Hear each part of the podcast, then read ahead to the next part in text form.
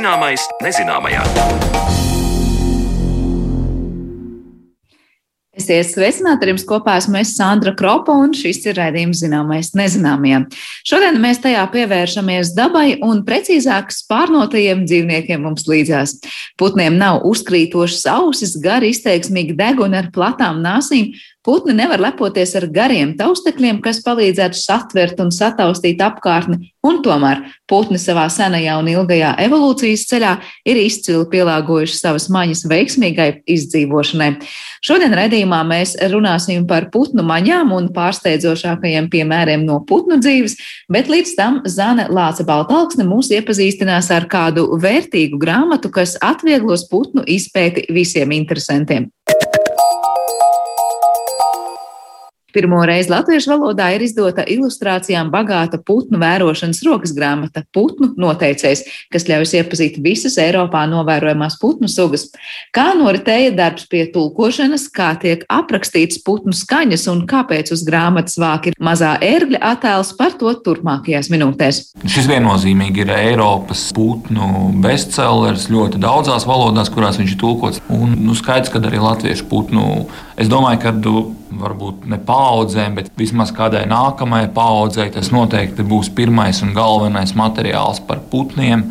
Un pie tam tas ir fantastiski, ka tas ir ļoti noderīgs arī tajā brīdī, kad es ārpus Latvijas aizbraucu. Šobrīd jau cilvēki daudz ceļo, aizbrauc uz Spāniju vai Itāliju. Tur tomēr tie putni ir drusku citi, vismaz daļa. Un šeit ir um, informācija par visiem Eiropas putniem.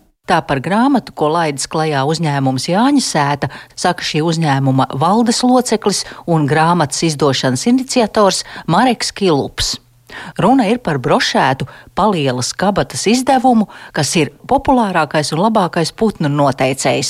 Un kopš tā pirmā izdevuma iznākšanas 1999. gadā tas ir izpelnījies plašu atzinību daudzu putnu vērotāju vidū Eiropā un ir ticis izdots vairāk nekā 14 valodās.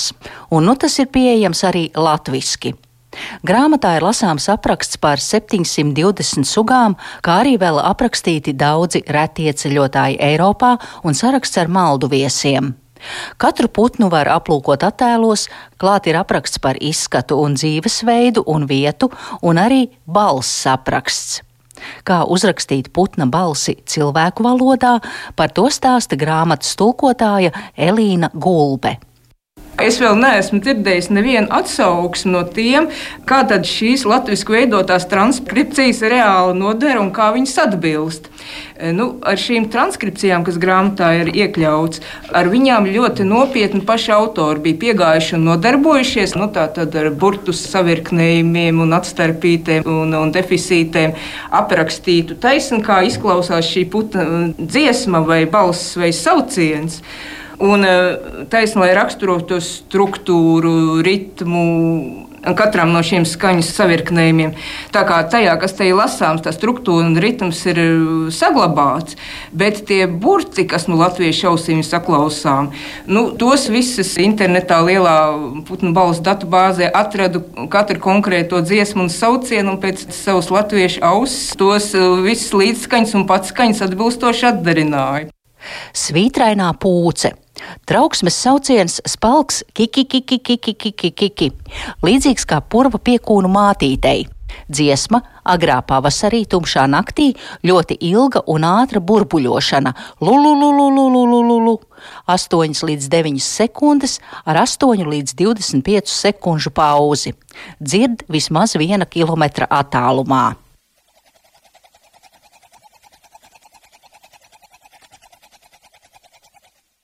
Tālu par putnu balsīm, bet, ja es skatos tagad uz e, mūsu pašmāja, tā es varu teikt, putniem, tur ir rakstīts par lielākajiem migrantiem. Un, ja mēs skatāmies, ja tas ir, vai tas ir tikai tulkojums, vai arī tur ir pienesums un kaut kas īpaši specifisks ir rakstīts par Latvijā mītošajām vai caurceļojošajām putnu sugām. Katrai sugai pie apraksta ir atbilstoši pēc pamata autora metodikas izvēlēts indeks. Un, protams, ka Latvijas izdevumā šis indeks raksturo Latvijas putnu sugas, kur nav sastopama. Tur, protams, ir svītriņi. Un indeksu izstrādāja mums grāmatas zinātniskais redaktors Viestures Čers. Viņš to uzņēmās. Vai šajā latviskajā variantā ir arī kādas putnu sugas, kas ir sastopamas tikai un vienīgi Latvijā? Tādas bagātības eh, Latvijai nav tik individuāls. Bet šī kontekstā es varu pastāstīt par grāmatas vāku. Suga, kas ir izvēlēta vāka noformējumā latviskajai versijai, mazais ērglis. Nu, tā laikam varētu būt tā mums visraksturīgākā, jo nu, Latvijā ir kādi 20, varbūt pat vairāk kā 20% no visas pasaules populācijas mazajiem ērgļiem. Tāpēc nu, mēs tieši tādu domu šo putnu arī izvēlējāmies grāmatas noformēšanai. Jā, jo šai angliskajai versijai tas ir zīriņš, jā, tad, un mums ir mazais ērglis. Mazais ērglis, klāta indeks 4, kas nozīmē, ka tas ir samērā parasts putns Latvijā. Balss. Līgstas rajonā trokšņains spalks, ka jip, paviršā salīdzinājumā maza sunīša riešana. Izlidojumā tēviņam spalks, stiepts svilpiens, vīka. Kā tas bija, ja mēs runājam par terminiem, kuriem latviešu valodā līdz šim varbūt pat nebija nekādu tulkojumu? Jā, ar tulkošanu viens no galvenajiem sarežģījumiem bija tas, ka nu, kopumā latviešu termini arī ir garāki. Nu, un tajos pašos rāmjos jāietilps. Bet jā, nu, mums ir zinātnisko redaktoru, bija diezgan daudz jāpiestrādā pie tā, lai nebūtu tik šausmīgi gari, kad, kad to nevar satilpināt, ka bija jāatrod arī tādi termini, kas latviešu valodā nav bijuši lietoti. Vai jūs varat minēt kādu konkrētu piemēru? Nu, teiksim, putnas pārnes, kurš sastāv no daudzām spalvu grupām, kuras dažādām sugām ir svarīgi aprakstīt noteikti nelielu laukumu spārnā. Un Visām spalvu grupām ir savi tehniskie nosaukumi. Mazās segspalvas, vidējās segspalvas, primārās sekundārās, terciārās, viss ir sadalīts, bet ir vēl dažādi laukumi. Un, piemēram, lai noteiktu un salīdzinātu plēsīgo putnu lidojumā, kas ir grūti daudzām sugām.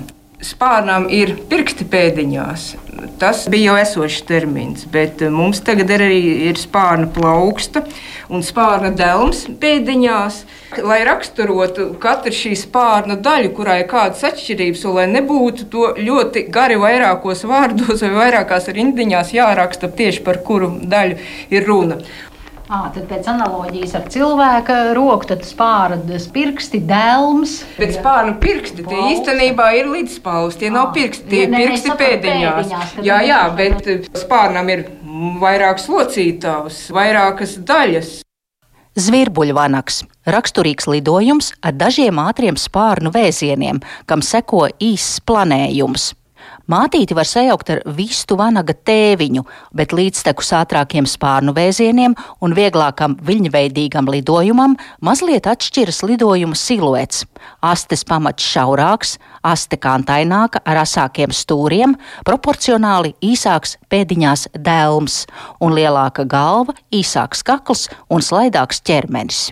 Cik viegli vai grūti bija tulkot, bet ņemot vērā, ka jūs pati esat pieredzējis putnu vērotāju un ar biologu izglītību.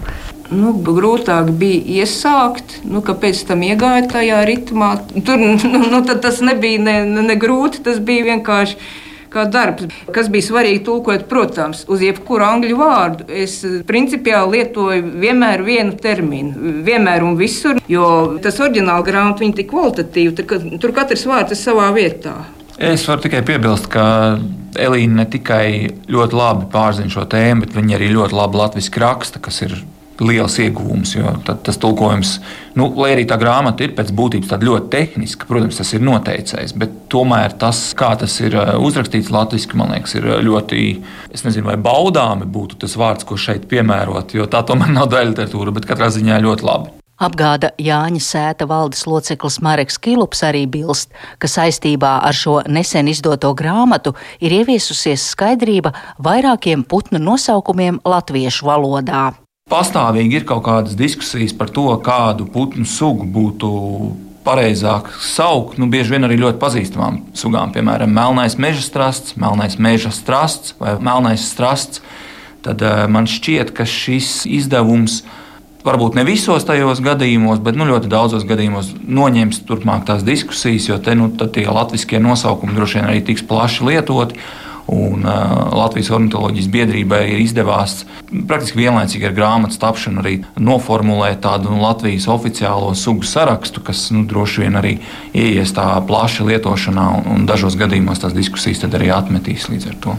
Līdzās nulle izdotajam putnu noteicējam Mareks Kilups ir nolicis arī Jāņa Baumaņa un Pētera Blūma sastādīto grāmatu Latvijas putni, kas ir nākusi klajā 1969. gadā. Šis ir pirmais pilnīgais visu Latvijas sugu noteicējs kopš 1969. gada, kad iznāca Baumaņa blūma grāmata. Man arī šeit ir brīnišķīgs, ļoti cietis laika gaitā eksemplārs 52 gadus sens. Tas bija iepriekšējais tāds pilnīgais izdevums, kas aptvēra nu, visas uz to brīdi zināmās Latvijas sugas. Pēc tam tālāk bija brīnišķīga grāmatu sērija, ko izdeva ornitholoģijas biedrība. Mārcis Strasds bija autors par Latvijas ūdeņu, meža un lauku putniem, bet nu, tas tomēr neaptver pilnīgi visu Latvijas sugu komplektu. Tā kā var teikt, jā, nu, 69. un 2022. gads. Jā tāds liels laika sprīdis bija jāpaiet, un tad nu, pavisam citā kvalitātē. Ar šo noteikti daudzas putnotāju paudzes Latvijā ir augušas un nepareizi noteikušas dažādas putnas. Kaut gan šī grāmata ļoti laba nepareizi, tāpēc, ka toreiz vēl nebija tie pētījumi vai nu, zīmējumi kvalitāte? Vai gadu gaitā pieaug tās zināšanas par putniem, kā viņus atšķirt. Un jā, daudzu putnu zīmējumi šobrīd ir labāki nekā šai 69. gada grāmatai. Un nu, arī, arī atšķiršanas pazīmes, balsu atšķiršanas, tas viss tā kā lasās un visu laiku nāk klāt. Tur ir tikai tās sugas, kas tobrīd Latvijā bija konstatēts, varbūt pat arī kāda varbūt nebija no ļoti lieliem retumiem. Es nezinu. Bet, uh, nu, tagad, nu, ir tā, tagad ir tā, ka eh, šeit beigās ir pielikums tiem eh, pavisam retajiem. Ļoti daudz no, daudz no tiem, kas tajā pielikumā šobrīd ir tā, tā diezgan ikdienišķi nu, kā ceļotājs. Piemēram, labs piemērs. Nu, principā, nu, pēdējā ziemā viņš bija diezgan parasts. Aizbraukt uz eh, kādu no moliem, nu, vienalga Liepājas vai Rīgas novembrī un nesastapt jūras šnibīti būs laikam pat grūtāk nekā sastapt. Tātad 1969. gadā izdotajā šajā putnu noteicējā ir aprakstītas ļoti retas sugas. Jūras šnibītis, kas tagad ir parasts. Ja? Nē, nu, parasts tas būtu pārspīlēts, bet, bet, nu, bet tāds pietiekoši regulāri sastopams. Tā kā ik gadu Latvijā pieaug putnu vērotāju skaits, tad jādomā, ka jaunā putnu noteicēja grāmata būs labs palīgs gan amatieriem, gan profesionāļiem daudzveidīgo lidoņu iepazīšanā. Dzirdējām Zanas Lācis Baltāksnes sagatavoto stāstu par putnu noteicēju, kas beidzot nonācis pie interesantiem arī latviešu valodā, bet turpmākās raidījuma minūtes esam veltījuši putnu maņām, kas ir krietni atšķirīgas no tā, kā pasauli redz, dzird un sajūt cilvēks.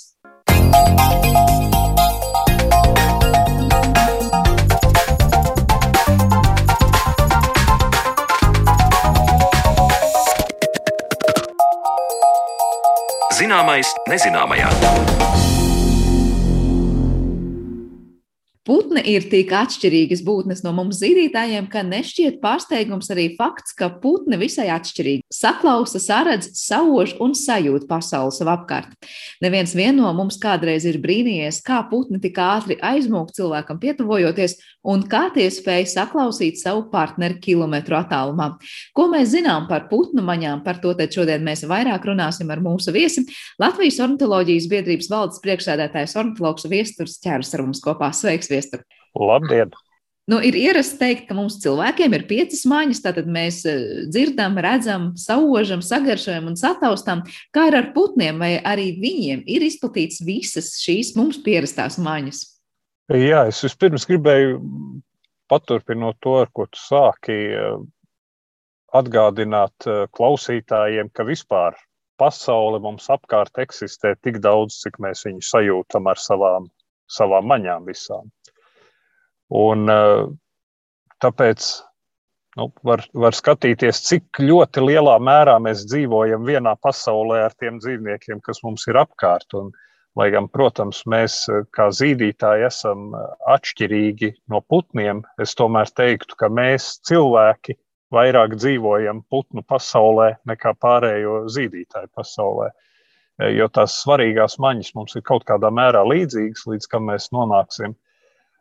Bet nu, tā pašā laikā tomēr putniem tā ir, lai gan pārklājas ar mūsējo, tā ir viņu pasaule. Un līdz ar to mums, kas dzīvo paralēlā pasaulē, zināmā mērā kopīgā, bet tomēr paralēlā, ir ļoti grūti izprast to putnu pasauli.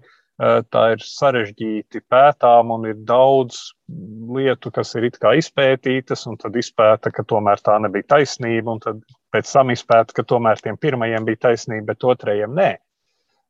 Gari atbildot uz sākotnējo jautājumu, Cik mēs zinām šobrīd, jā, putniem ir tās pašas maņas, kas cilvēkiem pamatā, bet vēl klāt nāk spēja sajust magnētisko lauku, līdz kam mēs arī varbūt šodien nonāksim. E, bet tas ir, cik mēs zinām šobrīd.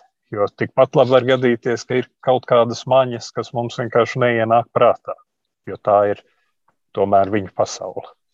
Jā, tu piesauc šo spēju sajust magnētisko lauku. Es tieši biju domājis par to parunāt, tieši nedaudz vēlāk, bet ja reiz iesāki, nu tad varbūt mēs varam paturpināt šo domu. Eh, es zinu, ka pēdējā laika pētījumi arī par kvantu fiziku tur bija saistīti ar to, kas tad ļauj putnam sajust šīs magnētiskā lauka izmaiņas un uztvert tās. Vai mēs varam teikt, ka ir tāds nu, orgāns, kas par to atbild? Ja mēs teiksim, ka cilvēks nu, redz, tad zinām, tur ir redzē, tur ir acis, tur ir smadzenes iesaistītas, dzirdam, tātad mēs ar ausīm saužam ar degunu.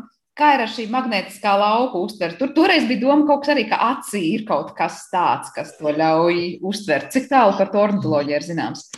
Jā, nu ir tā, ka, ka kvantu fizikas aspektus es, protams, nokomentēt nevarēšu. Un, Un it īpaši ņemot vērā to, ka mēs šo nejūtam, vai vismaz domājam, ka nejūtam, uh, to ir grūti izpētīt un aptvert, un līdz ar to ir arī daudz pretrunīgu pētījumu.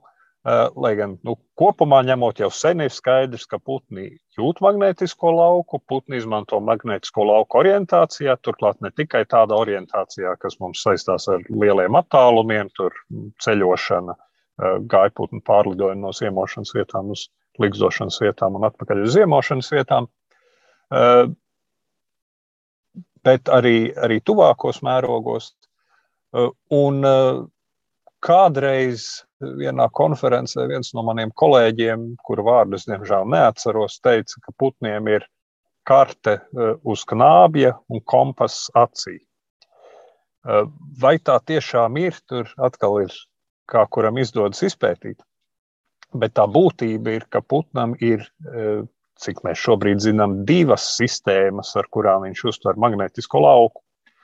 Viena ir e, magnētiskā lauka spēka līnijas. Tātad tas kompass, kas ļauj putnam pateikt, vai viņš dodas virzienā uz polu, vai viņš dodas virzienā uz ekvatoru. E, tas būtu tas kompass acī. Un tagad mūsdienās ir izpētīts tas, ka visticamāk, visticamāk putni redz šīs magnētiskās, eh, magnētiskā lauka spēka līnijas, jo viņas eh, nu, ir, tā var teikt, paralēli Zemes virsai, tuvāk ekvatoram, stāvas pret Zemi pie poliem, un tad putni uh, var redzēt šo te, uh, šīs līnijas, bet tā mums šķiet pēc tā, ka tie ir, uh, tie ir acī, tie uztvērēji.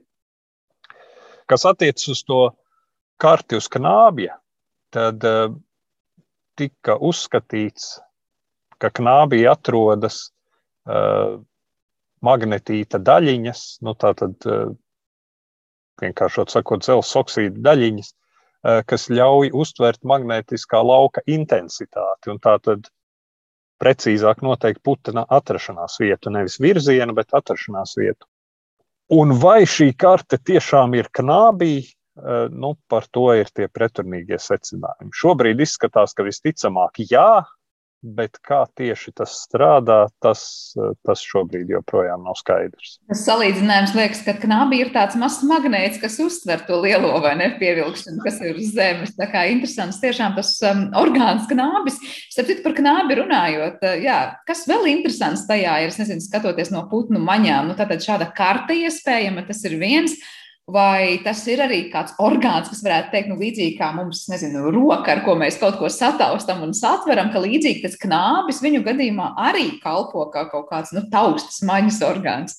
Neapšaubām, jā, knābis ir ļoti būtisks kā taustas orgāns. E, it īpaši tas ir e, putniem, protams, kas e, ar savu garo knābi meklē barību dubļos, dūņās, tātad bridēja putniem, kur viņi ir neredz, kur viņiem nekas daudz cits neatliek, kā mēģināt ar, ar knābi barību sataustīt. Um, un otrs, ko viņi ar knābi var darīt, ir mēģināt šo barību savost. Jo mēs zinām, ka um, kivī, piemēram, ir veikti pētījumi tur barības lelīti, ja tā var teikt, paslēpta zemē, kas nesmaržo un kas smaržo, un tad tas, tas smaržojošās kivī atrod, atrod labāk. Tātad knābis gan taustai, gan smaržai un arī garšai. Mēs tagad pārskaitam visām maņām, kur droši vien ir knābis saistīts. Patiesībā, jā, iesaistīts ļoti daudzās, var teikt, vienlaikus gan rokas, gan, gan deguns, gan muti, kas mums cilvēkam būtu tāds ļoti svarīgs orgāns putnam. Ja mēs par to ožu runājam, nu tāds izējot no tā, ko tikko teica tālākais solis, Cik laba oža ir putniem, un parasti, ja mēs par ožu runājam dzīvnieku pasaulē, mēs sakām, nu, tur suņiem tur tik un tik, 10, 80 vai cik reizes labāks deguns kā cilvēkam, citiem dzīvniekiem tur vēl vairāk vai mazāk. Kā ir ar putniem, cik labi ožas kontekstā ir putni?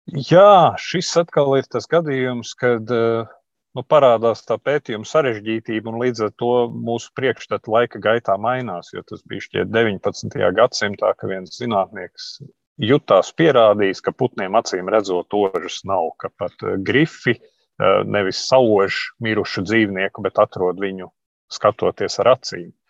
Un līdz ar to ilgi valdīja priekšstats, ka putniem ožas īsti nav. Un, uh, tomēr nāca pētījumi, kas konstatēja, ka dažiem tomēr acīm redzot, ir. Reku, tas pirmais pētījums bija nepareizs, un acīm redzot, grifi tomēr sauž. Un jo vairāk nāk pētījumi, jo vairāk mēs redzam, ka bieži vien putniem oža ir un viņa tiek uh, izmantota ne tikai grifiem, lai sameklētu barību.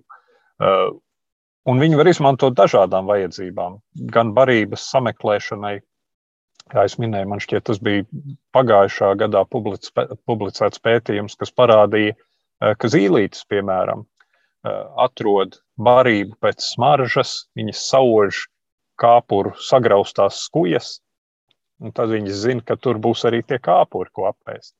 Arī stārķi Baltijā mums pazīstamie arī ir izpētīts, ka viņi sauž tikko pļautu zāli. Tad viņi zina, ka var lidot uz turieni, jo tur tā zāle nopļautā būs atklājusi dažādus uh, radījumus, ko viņiem apēst. Un uh, viens no jūras putniem, vētras burātājs, arī izpētīts, ka viņš var pa vairāk nekā 12 km sauost barību, kas ir zooplanktons jūrā. Un attiecībā uz jūras putniem es nezinu, cik daudz ir pētījumu, cik daudz ir hipotēžu, bet ir versija, ka jūras putniem oža vispār ir nozīmīga orientācijai. Jo nu, jūra ir liels ūdens klaids, kur īsti nekā, nekā daudz nav, pēc kā orientēties. Bet šķiet, ka oža ir svarīga. Un iespējams, oža ir svarīga, tur atkal ir pretrunīgi pētījumi. Eh, oža ir svarīga arī sauszemes putniem migrācijā, kā arī viņiem ir ne tikai magnētiskās kartes, viņiem ir arī smaržu kartes, lai viņi, eh, lai viņi zinātu, kur lidot. Tātad oža gan barības atrašanai, gan uh, orientācijai iespējams. Un mājas strāzdi savukārt, kas mums tagad ir sākuši ierasties un droši vien jau sākuši būvēt līgstas, uh, mājas strāzdī, līgstu materiālā, kas pārsvarā ir no sausas zāles, tomēr iepina dažādas smaržīgas sālītes. Tātad viņi sauž, ka tas ir pareizais līgstas materiāls. Kāpēc viņi tā dara? Arī tur tiek pētīts. Viens ir, lai iepatiktos draudzenēm, eh, otrs ir, ka tās smaržīgās vielas var palīdzēt eh, putnu mazuļiem cīņā pret dažādiem kukaiņiem. Un par iepatikšanos draudzenēm runājot, vai pareizāk sakot, draugiem, ir eh, izpētīts arī, ka putnu dāmas iesmaržojas.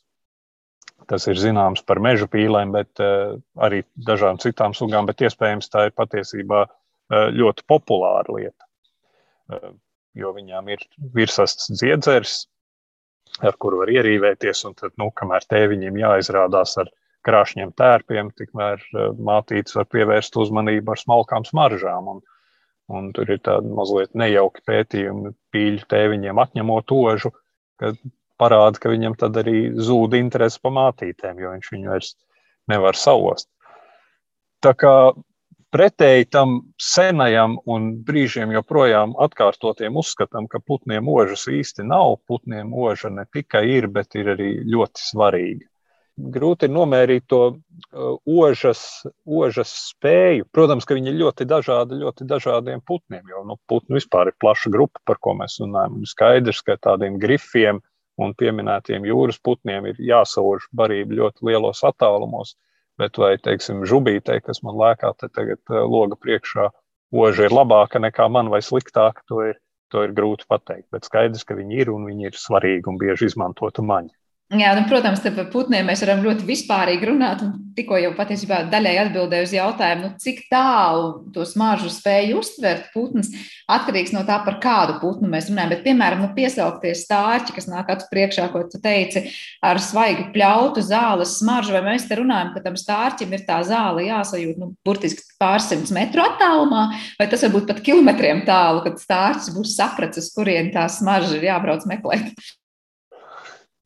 Diemžēl es precīzi attālumus neatceros stārķa gadījumā. Kilometri man ir prātā tam vētras burātājiem, kam tie bija 12. Eh, es domāju, ka stārķim tie gluži nebūs 12 km, eh, bet nu, smaržu gadījumā arī, protams, jāpaturprātā tas, ko mēs zinām no senām grāmatām par zvēriņiem, ka eh, ļoti būtiski ir tas, vai tā smarža ir tas smaržas avots ir pavējams vai pretvēji. Tur tie attālumi noteikti ļoti, ļoti varēja atkarībā no tā, Jā, un droši vien par to, kas ir tīkama un netīkama smarža putniem, arī ir dažādi pieņēmumi, un droši vien izpētīt to pavisam grūti.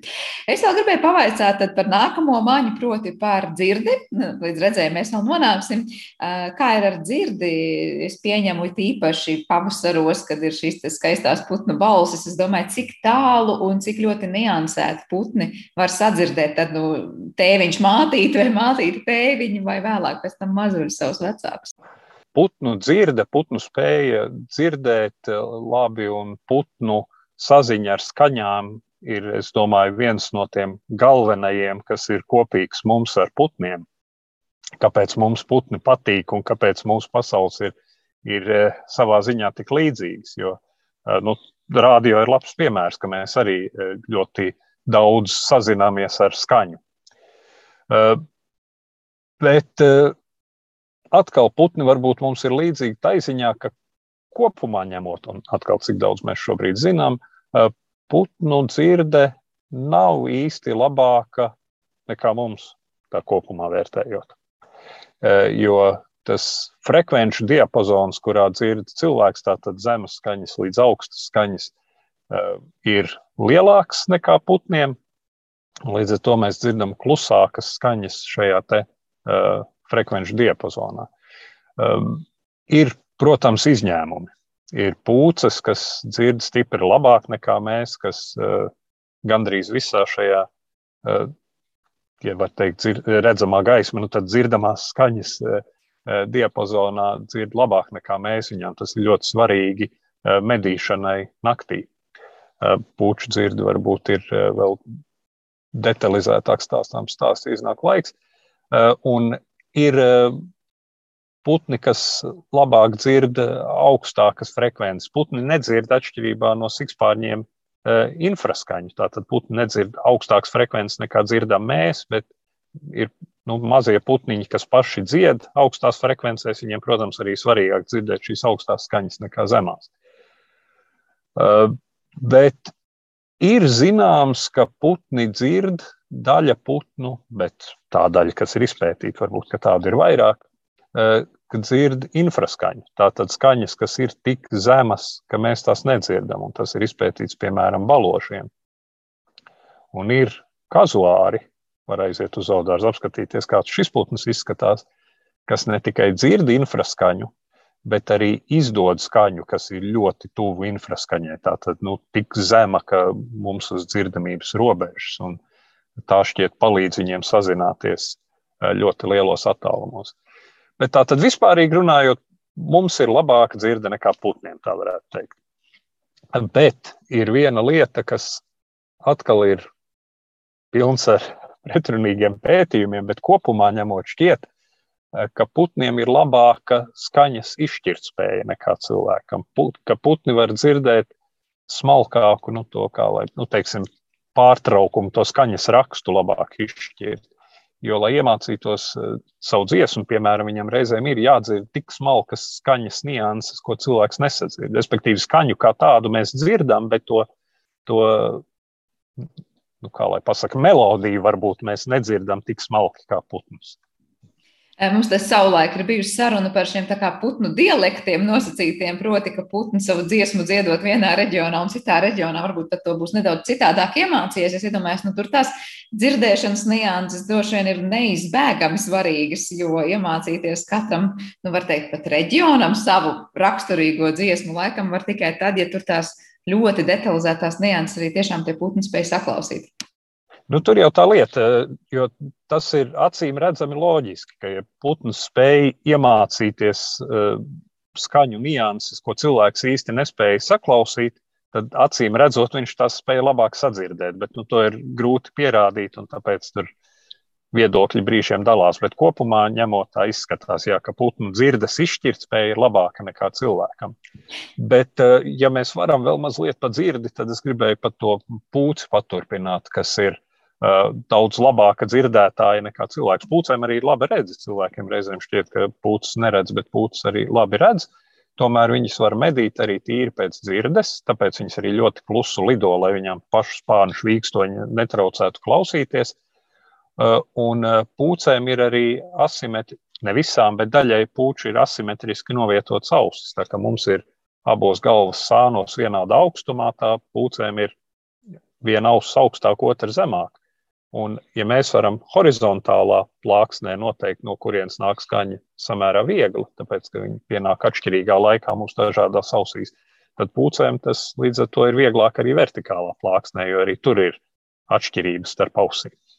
Tad var teikt, pūce dzird arī uz augšu un uz leju visu precīzi notiekošo un spēj noteikt to skaņas objektu ar pārsteidzošu precizitāti.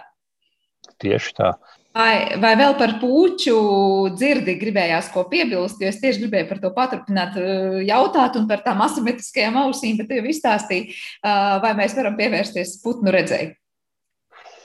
Uh, par puķu dzirdi varbūt viena netik būtiska lieta, bet reizēm tomēr cilvēkiem šķiet, ka pūcēm, ausēnai pūcei un nūpim uz galvas tie, tie pušķīši ir austiņas. Un ornitologi arī viņus, nu, redz, ausainā pūce mēdz saukt par ausīm, bet Eh, tam nav nekāda sakara eh, ar dzirdēšanu. Tās ir acīm redzot vairāk sazod, vizuālai saziņai starp pūcēm.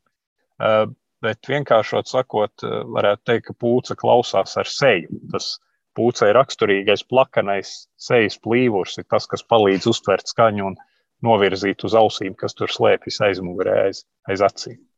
Jā, patiesībā ļoti pārsteidzoši seja, bet par pūces acīm runājot, un tad jau nonākam arī par to, kā vispār kopumā putni redz. Tās, tās acis ir milzīgas, tās acis ir ļoti atšķirīgas no citiem putniem. Kā redz pūce un kāpēc tās acis ir tik lielas pūcei? Patiesībā, ja mēs runājam par redzi, tad pūce varbūt nav pat interesantākais piemērs, jo milzīgas acis relatīvi ir visiem putniem lielākas nekā mums. Un, nu, pūcei varbūt viņas vairāk izceļas, viņas abas uz priekšu. Un, un viņi izskatās eh, cilvēcīgi un mīļi ar savām lielajām apaļajām acīm. Bet eh, no cilvēka viedokļa skatoties, neproporcionāli lielas acis ir visiem putniem. Eh, bet kāpēc es teicu, ka pūce varbūt nav interesants piemērs, ir tas, ka nakts putniem svarīgāk ir redzēt labi tumsā, un līdz ar to viņiem ir samazināta jutība pret krāsām. Tātad viņi sliktāk redz krāsas.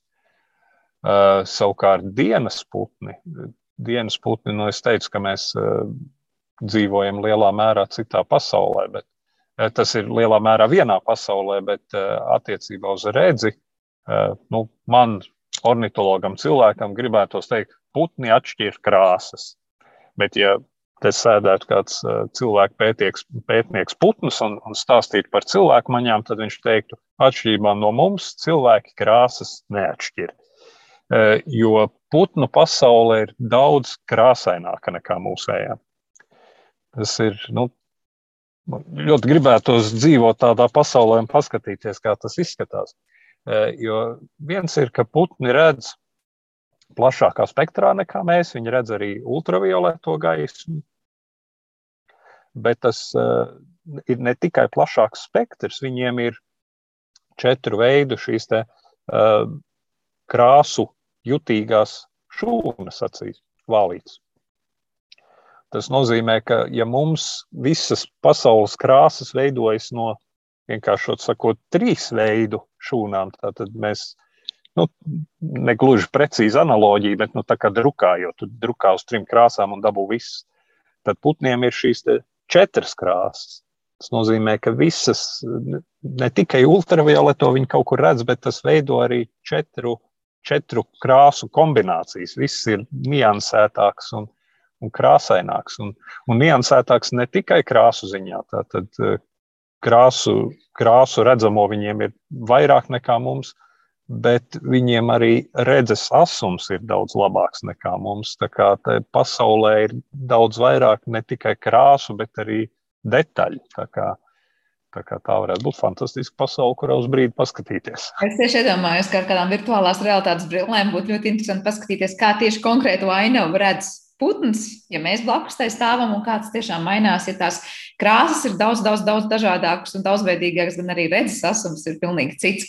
Bet, ja mēs runājam par to, kā putni ļoti bieži saka, nu kā tik klusi vai tik veikli var aizlaisties vai izbiedēties, ja mēs pietuvojamies un skatāmies, putni jau vairs tomā nav, tas ir pateicoties viņu maņām, tieši, es domāju, redzēju un dzirdēju, vai tur būtu kaut kādi pilnīgi citi mehānismi, kas nu, putnu padarītu tik izveicīgu.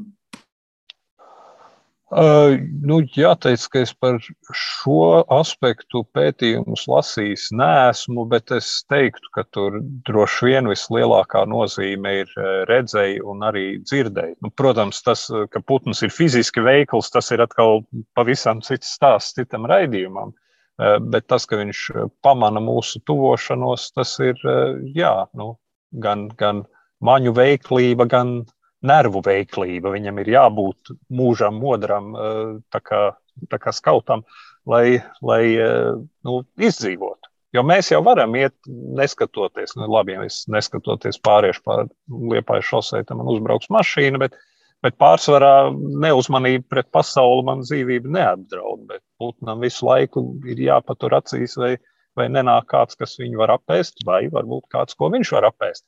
Tātad viņam ir jābūt ļoti uzmanīgam. Un tas, protams, ir saistīts ar, eh, ar šīm īpaši svarīgajām maņām, ar, ar redzi un dzirdi. Eh, bet nu, bieži vien jau droši vien tā nevar nodalīt. Es arī gatavojoties šim raidījumam, domāju, ka kā es teiksim, dzirdētu, ka sieva gatavo kaut ko, nu, tad es varbūt saužu vispirms, un tad sadzirdu, ka tur kaut kas cepās no lejā, paņēmu pagājušo karsts un, un e, tam līdzīgi. Tad to pasauli jau mēs izzinām ar visu maņu komplektu. Un, e, un droši vien grūti nodalīt konkrētajā rīcībā.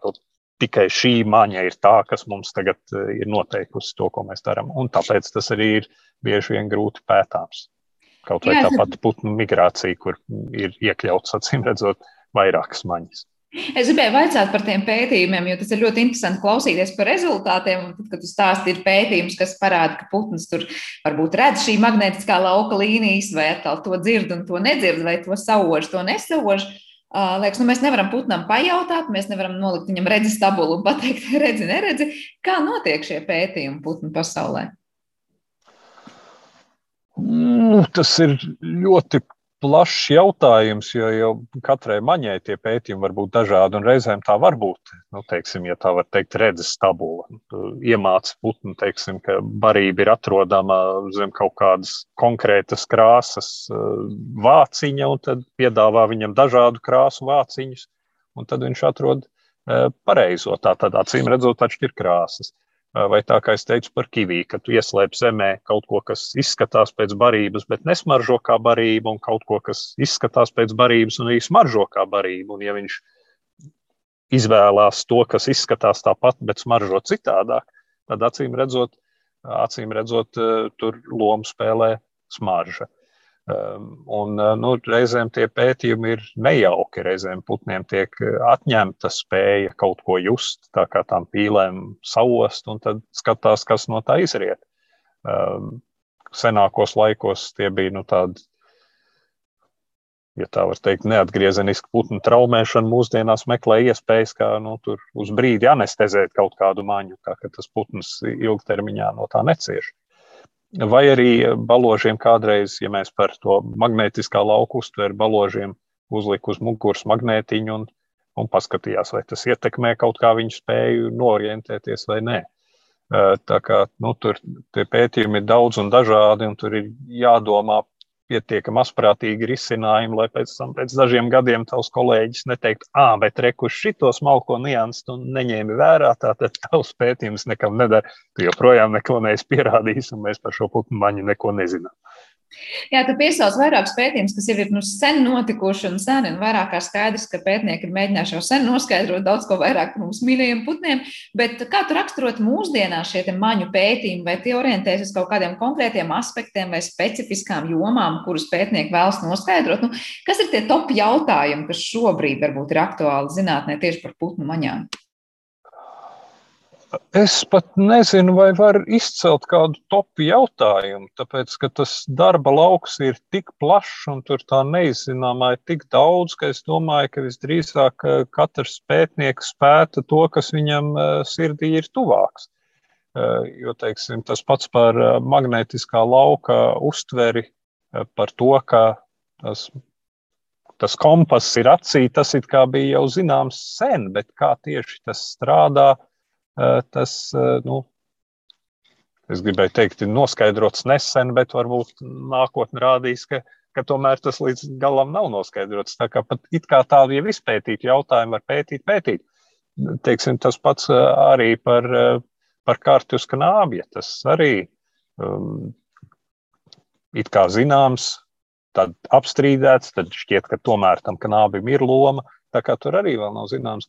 Un, um, Un par ošu arī nāk ar vien jaunu un jaunu pētījumu. Es pieminēju, nu, tur pirmie slikti izplānotie pētījumi par ošu 19. gadsimtā, bet uh, tas par zīlītēm ir izpētīts. Ne, nu, es nezinu, kad izpētīts, bet publicēts uh, pagājušajā gadā, kur arī zīlītei piedāvāja tās apgraustās sūnas, nevis sūnas, bet apgraustās skujas redzēt, vai apgraustās skujas sauost, un viņi atrada gan tā, gan tā, un tā tika noskaidrots, ka viņi tā tad izmanto gan redzi, gan, gan ožu. Tā kā tur, es domāju, es domāju, tas vienkārši tik aizraujošs pētījumu lauks, ka tur izvēlies, ko vēlies, ķeries un, un uh, pēti darāmā joprojām daudz pētniekiem arī par maņām, kuras varbūt liekas tiešām šķietam izpētīts, bet patiesībā daudz kā jaunu vēl var atklāt. Pavisam īsi noslēdzot šo sarunu, mēs vairākus interesantus piemērus minējām. Vai tev pašam ir kāds putns, kas savas, es nezinu, kuras maņas dēļ liekas tāds nu, visinteresantākais vai visapbrīnojamākais vai visneparastākais? Es nezinu, vai tu teiksi par redzīgajiem putniem vairāk vai dzirdīgajiem vai kā citādi pasaules sajūtošajiem.